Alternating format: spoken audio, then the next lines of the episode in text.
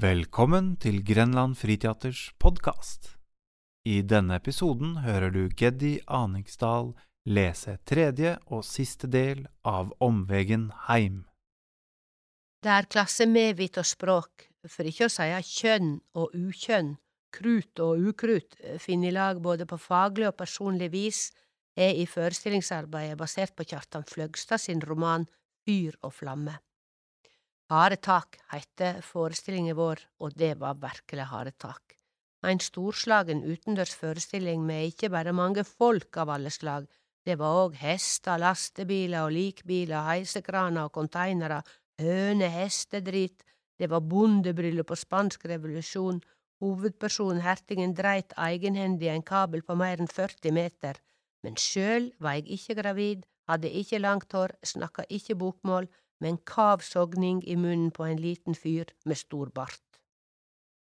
Marton Danielsen heiter rollefiguren min, og det var eit strev og eit spetakkel og ei sann svir og ei stor glede å få være med på å lage dette stykket og få spille akkurat denne karakteren, fortelleren i stykket og kompisen til hertingen. Harde tak var et krafttak og et vendepunkt for teatret i mine øyne eit vendepunkt som har bana vei for store stadsspesifikke oppsetninger, for nye dykk ned i et forfatterskap som Fløgstad sitt, og et forfatterskap som for meg har med teater, språk og klassemedvit å gjøre. Folk trudde at Marton var en mann, og lette etter han som spilte han etterpå. Jeg trudde det jeg med. Faretak spilte på gamle, nedlagde industriområder rundt om i Norge, det var stas å spille på Ulefoss, i Sauda, på Notodden, på Rjukan, i Froland, etter å ha spilt på Porsgrunn Mekaniske Verkstad først. Slik snakka Marton til slutt i forestillingen. Fra jeg var unge har jeg heile tida venta på at en dag skulle sammenhengene i verda gå brått og fullkomme opp for meg, om lag som ei rullegardine med stramme fjør og sanninga strøyva over meg med slik klárleik og velde at ho skar meg i augen lik lyset utanfrå ein klár vintermorgon med snø her oppe i det høge nord. I staden har det vorte slik at den ruta av glas eg ser ut på verda igjennom, innafor ei rauma og lyst tre, vert det stadig meir augustsvart, myrkni utafor meir og meir løgndomsfull og ugjennomtrengeleg. Eg har tala ut i myrkni med ei kjensle av at ordene mine etter kort lyomlag om lag, like klart og tydelig som om jeg skulle ha sagt ripsbærbusk, sikkerhetsnavl og rikskringkasting etter hverandre tusen ganger i svært forte fart. Marton er arbeidskar, og arbeidsjakka hans er arbeidsjakka til pappaen, som han brukte på verket. Jeg arva både arbeidsklede og arbeidslyst fra pappaen og mamma. Mange av de stedene som Kjartan tek oss med til i boka, er steder der slekta mi har arbeid, enten er som rallare på Ofotbana, anleggsslusker og kokker, skiftarbeidere og bondetamper, der har mi vært, der kommer mi ifra. Mi er denne miksen av bønder, fiskere og anleggsslusker, mi vart fabrikkarbeidere, og alle disse plassene kjem røynslene våre fra, røynsle som legger seg i språket, i kroppen, muskelminne. Arbeidet har språk i seg, og språket har mykje arbeid i seg. Slik er det, det veit eg. Og når vi feira 1. mai på scenen, og rollekarakteren Marton fikk by opp ei kjekk jente til dans som rett nok ikkje ville, men så tok han seg en klunk i stedet for, det smakte det òg, radla litt og var i sitt ess, var heime, var på plass, var i seg, ja, hva meir kan ein be om? Det er ikkje mykje. Det har drygd med å komme heim, både teaterfagleg og menneskeleg, og forstå og sjå samanhengen her i verda, og nærma seg noe som liknar ei kjerne, eit nav, ei lita fyrlykt, eit punkt, som me nok har vore nær ofte, drøymt om og streva for og imot, som han sier, Per Gynt, det var da en uendelig mengde med lag, kommer ikke kjernen snart for en dag? Var det medvete, visste jeg hva jeg gjorde når jeg nekta å arbeide neste første mai, eller nekta å spille på bokmål. Jeg nekta, jeg sier som Marton Danielsen, gløymer det aldri. Både materialet fra Fyr og flamme, Dalen Portland og Grand Manila er med i en ny trilogi Grenland Friteater starta på i 2011. Jeg er fremdeles opptatt av språket som klasse, geografi, nøkkel, skattkista, speigel og personligdom. På 70-tallet vart det plutselig så populært å være derifra som jeg var, snakka slik som jeg snakka, ha foreldre som mine, som mest vaska og sjaua livet og helsa si av seg. I Oslo på voksengym i Hegdausvegen var eg nesten like sjelden som de to negrene søster mi og eg traff nede på Tangen en sumarsdag. Mi var bare ti–tolv år gamle og tykte de to guttene var så fine og sjeldne at mi ville ta dem med oss heim att og vise dem til mamma og pappaen.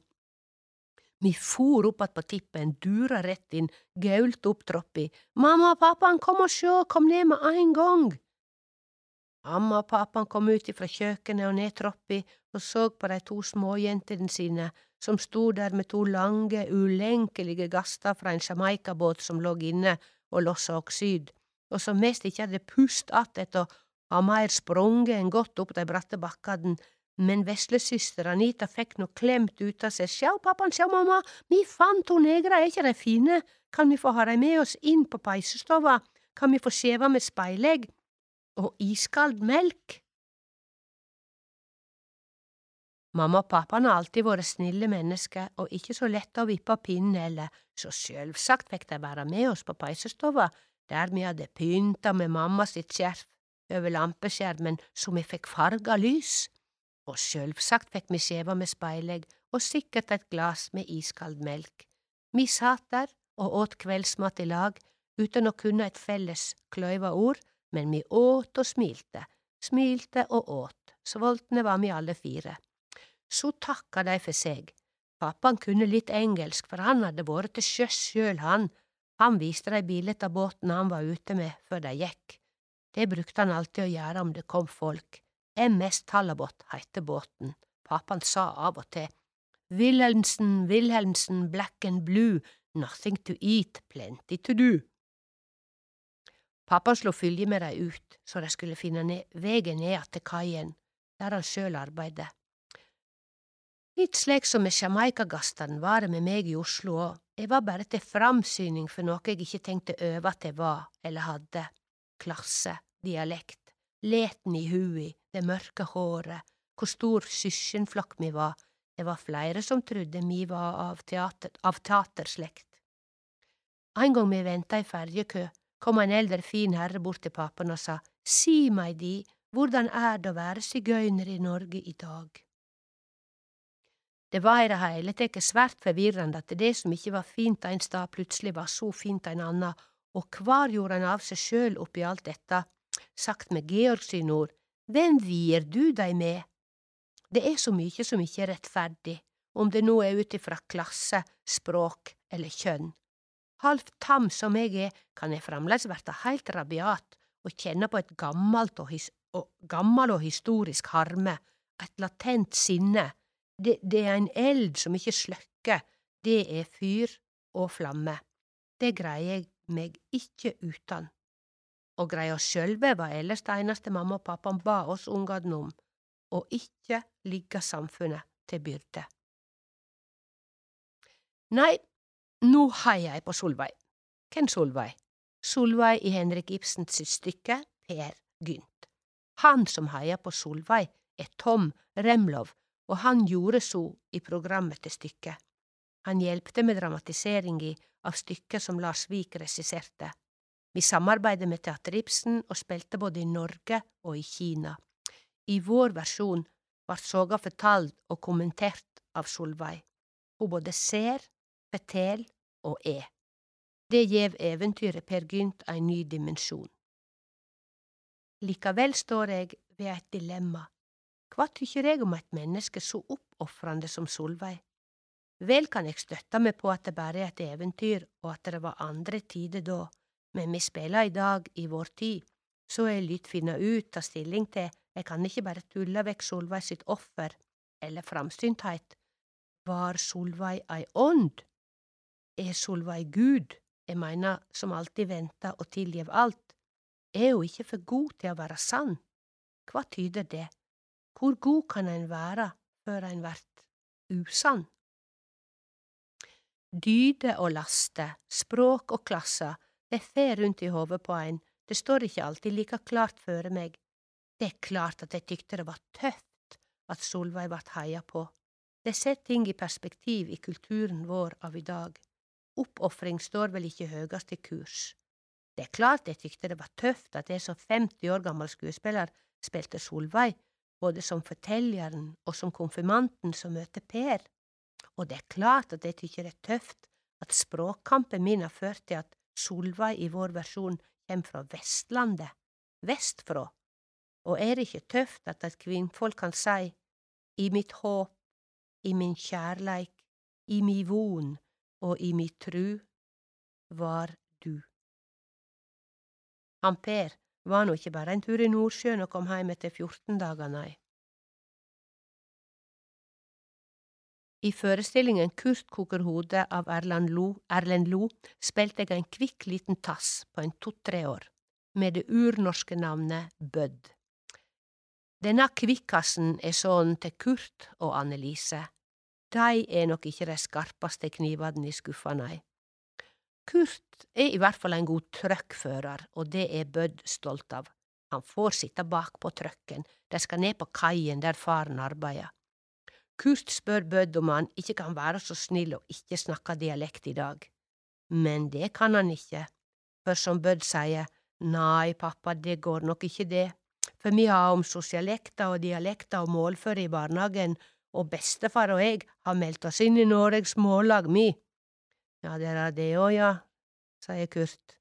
Jaha, pappa, sier Bødd, tal dialekt, skriv nynorsk, sier nå jeg. Jeg las i avisa at i ei ny bok av Erlend Lo så snakker nå Kurt òg nynorsk.